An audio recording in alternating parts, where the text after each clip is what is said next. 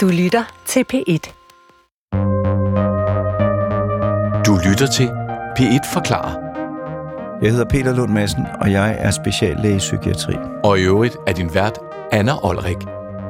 Og Peter, jeg, øhm, jeg kan ret godt ofte finde på, når jeg skal sove om aftenen, så har jeg lagt mig i min seng, og der er mørkt, og så tænker jeg bare, jeg kan bare, jeg kan bare mærke, at der er nogen i lejligheden. Men min hjerne siger til mig, selvfølgelig er der ikke det. Men mit hjerte begynder ligesom at køre derud af på en måde, øh, så jeg bliver nødt til at rejse mig op af sengen. Tjek min bagdør er låst, tjek at min hoveddør er låst. Det hele skal ligesom være låst, og så ligger jeg mig ned igen, og så kører mit hjerte igen. Og det giver jo ikke mening, fordi der er jo ikke nogen i den dumme lejlighed, og det er der aldrig. Men alligevel, så vil jeg sige, flere gange om ugen, så ligger jeg og tripper og kan næsten ikke sove, fordi jeg simpelthen har en dødsangst, jeg mærker, som jeg ved er fuldkommen irrationel. Den giver ikke mening.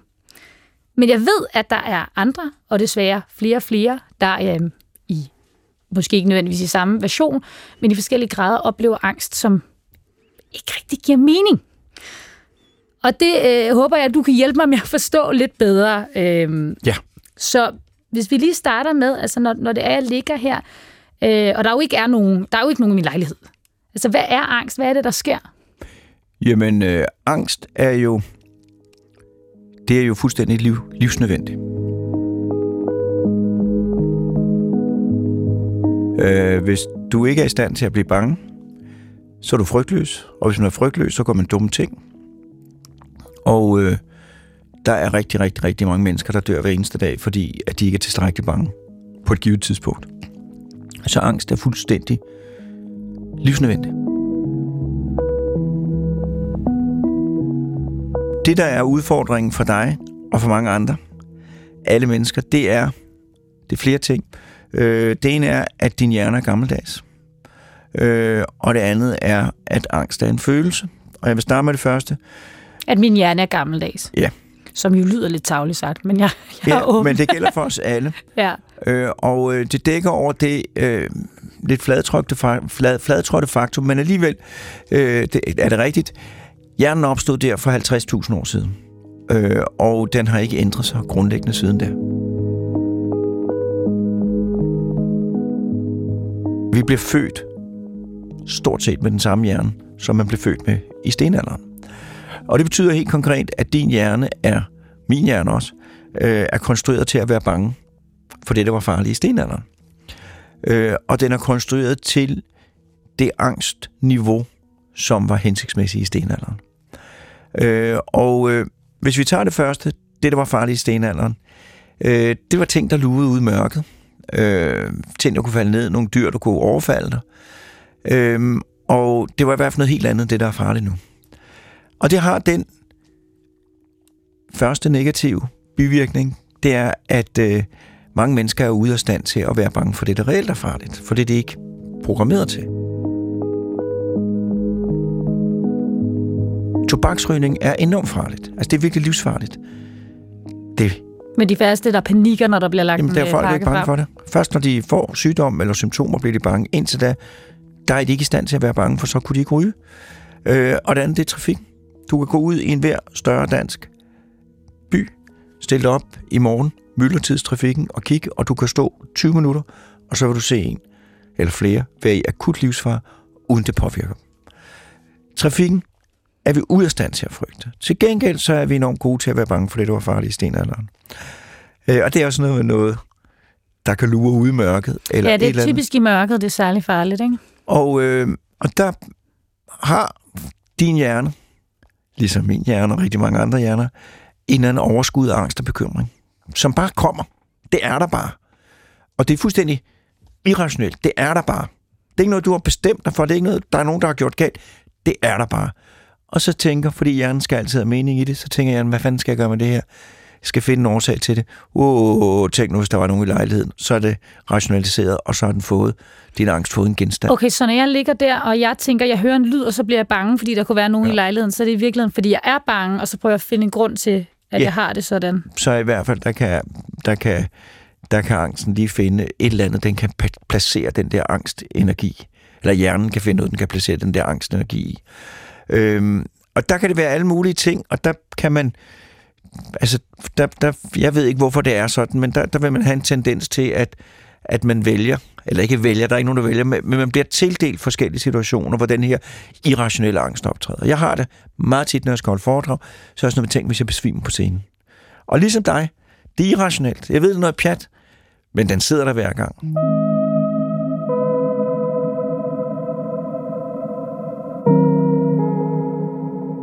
Hvorfor er det så, at, at, at den der angst får lov til at vinde over din fornuft? Din fornuft siger, at der er ikke noget at være bange for, men du er bange. Hvorfor er det sådan? Det er fordi, at angst hjerneudviklingsmæssigt opstod lang tid før fornuften opstod. Angst er en følelse, der styrer vores adfærd. Der var masser af dyr, der havde brug for det, før de havde brug for at kunne tænke klart. Så derfor så ligger det meget længere tilbage, eller meget mere dybt i din hjerne, end din tankeaktivitet, sådan firkantet sagt. Så du kan ikke bestemme, om du bliver bange eller ej. Du kan bestemme dig, hvordan du forholder dig til din angst, men du kan ikke selv bestemme, om du bliver bange eller ej. Men er der noget at være bange for? Ikke i forhold til, øh, om der er nogen i rummet, men, men altså når du bliver angst, fordi kroppen reagerer jo også. Er det farligt at, at være angst? Jamen, hvis man så lige tager det lidt videre, fordi det, du oplever, det er jo noget ubehagelig angst, men man kan jo have det, der hedder et panikanfald, eller angst-panikanfald, hvor, hvor, hvor det løber så meget væk med en, at man er overbevist om, at man skal dø, eller nu er jeg ved at blive sindssyg, øh, at man har 20 minutter med en halv time, hvor man virkelig befinder sig i ja, bogstaveligt talt helvede. For har du set en person med, med, med angstanfald? Det er meget, meget voldsomt. Og jeg har fået beskrevet, jeg har også selv prøvet en gang at have et. Det er særdeles ubehageligt. Øh, det er, man mister kontrollen. Man er taget over af angsten. Øh, der kan jeg huske en gang på psykiatrisk afdeling, hvor der var en pige, der havde et angstanfald, og så kom den gamle oversygeplejerske, så kom hun, så sagde hun, slap af. Det er bare angst. Det er der ingen, der dør af. Øh, og, og, og det var jo egentlig, jamen det hjælper fordi at det er jo det, hun er bange for, at det hele er galt. Og nu kommer der en og siger, det er bare angst. Øh, og det, der er sagen med angst, der er to sandheder, når du spørger, om angst er farlig. I sig selv er det overhovedet ikke farligt.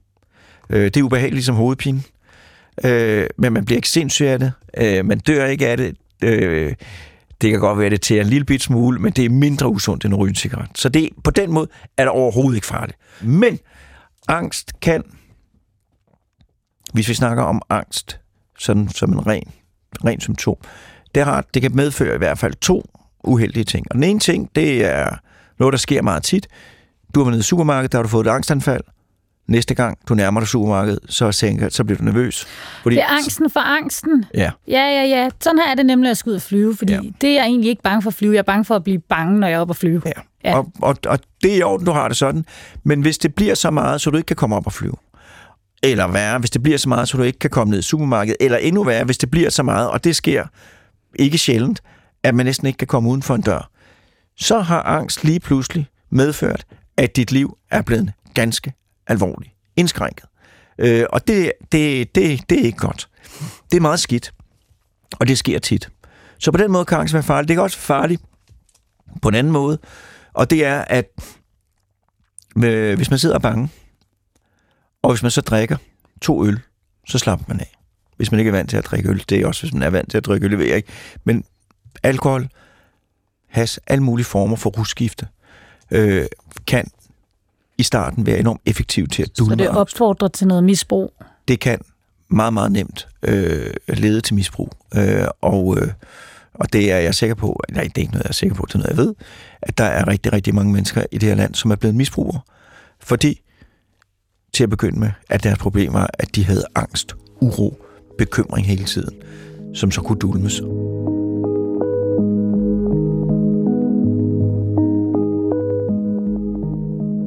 Vi, vi begynder over at tale om, eller har, har talt uh, længere tid om angst som, som en folkesygdom. Ja. Altså, der er flere og flere, der får det. Ja.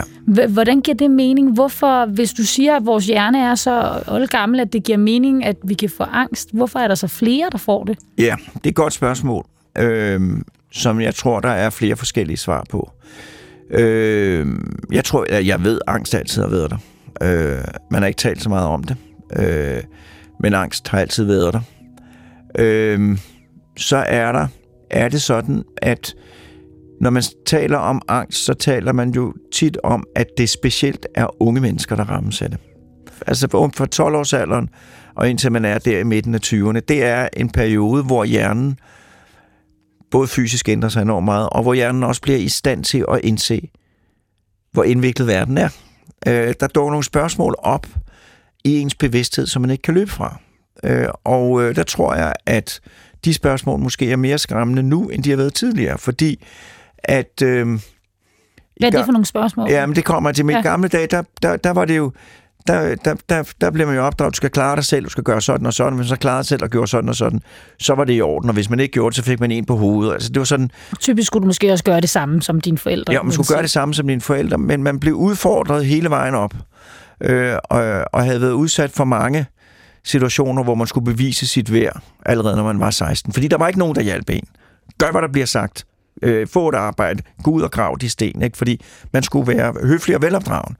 Godt. Øh, det er vi heldigvis sluppet fra, øh, fordi at vi har fået så meget overskud i vores liv, og hvor så meget viden om, øh, hvordan det er at være menneske, at vi jo godt ved nu, at man kan opdrage børn, faktisk uden at skælde dem ud, altså uden i hvert fald at skulle skælde dem særlig meget ud, øh, og man kan opdrage børn og give dem en tryg barndom, øh, og gøre dem til fornuftige mennesker, uden at de skal hverken slås eller hærtes eller noget som helst. Det er jo rigtig godt. Men det betyder bare, og det er det bare sådan en personlig tro, men det betyder bare, at når man så bliver sådan en 13-14 år, eller 12 år, eller eller andet, har nogle forældre, der har været søde og hjulpet en. Så er så der er rigtig mange muligheder, og rigtig meget til stilling til. Ja, og så ved man også godt, det kan man ikke rigtig ved det, men man ved det godt, at man skal klare sig selv. Og der er mulighed for at fejle. Og der er mulighed for at fejle, og man har ikke, som i gamle dage, bevist over for sig selv, fordi man kan jo, alle har jo løst ens problemer og så kan man blive enormt bange for det der, uden man måske lige formulerer spørgsmålet, men man indser bare, at der er så mange ting, man skal klare som menneske. Man skal finde ud af en masse sociale ting, som er skræmmende og som er uforståelige. Man skal finde ud af, hvad vil jeg med mit liv? Øh, er jeg en god person? En masse spørgsmål, man skal tage stilling til. Øh, og øh, det er en rigtig god udgangspunkt for øh, at blive bange.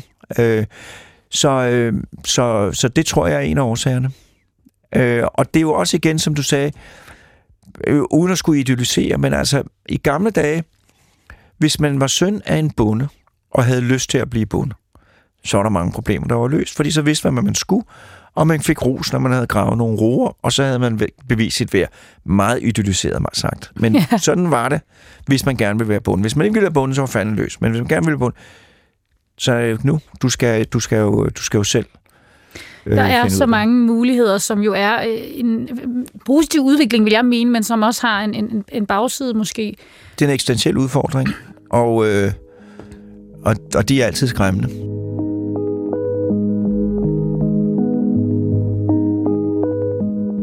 Nu kommer jeg til at være meget tavlig, fordi selvfølgelig kan du ikke lige løse den hele, men hvis du skulle sige, sådan, hvad, hvad er det første skridt mod vejen og, om at, sådan, at få mindre angst i samfundet? Men jeg vil sige, det første er vigtigt, øh, det er øh, og, øh, og huske på, at angst er ikke farligt.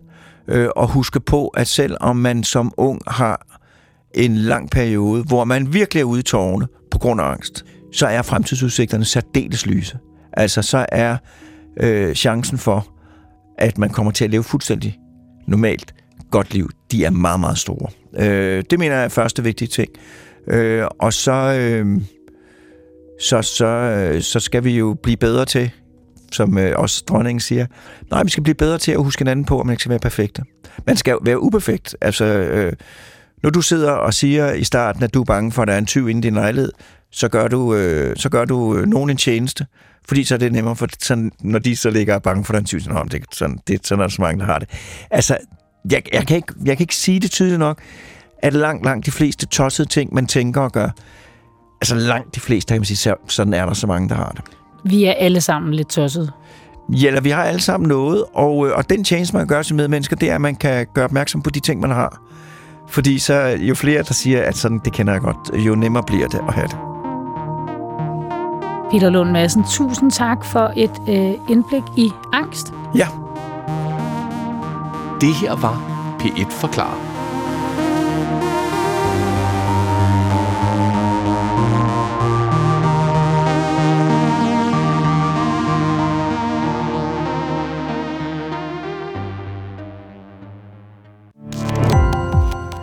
Gå på opdagelse i alle DR's podcast og radioprogrammer. I appen DR Lyd.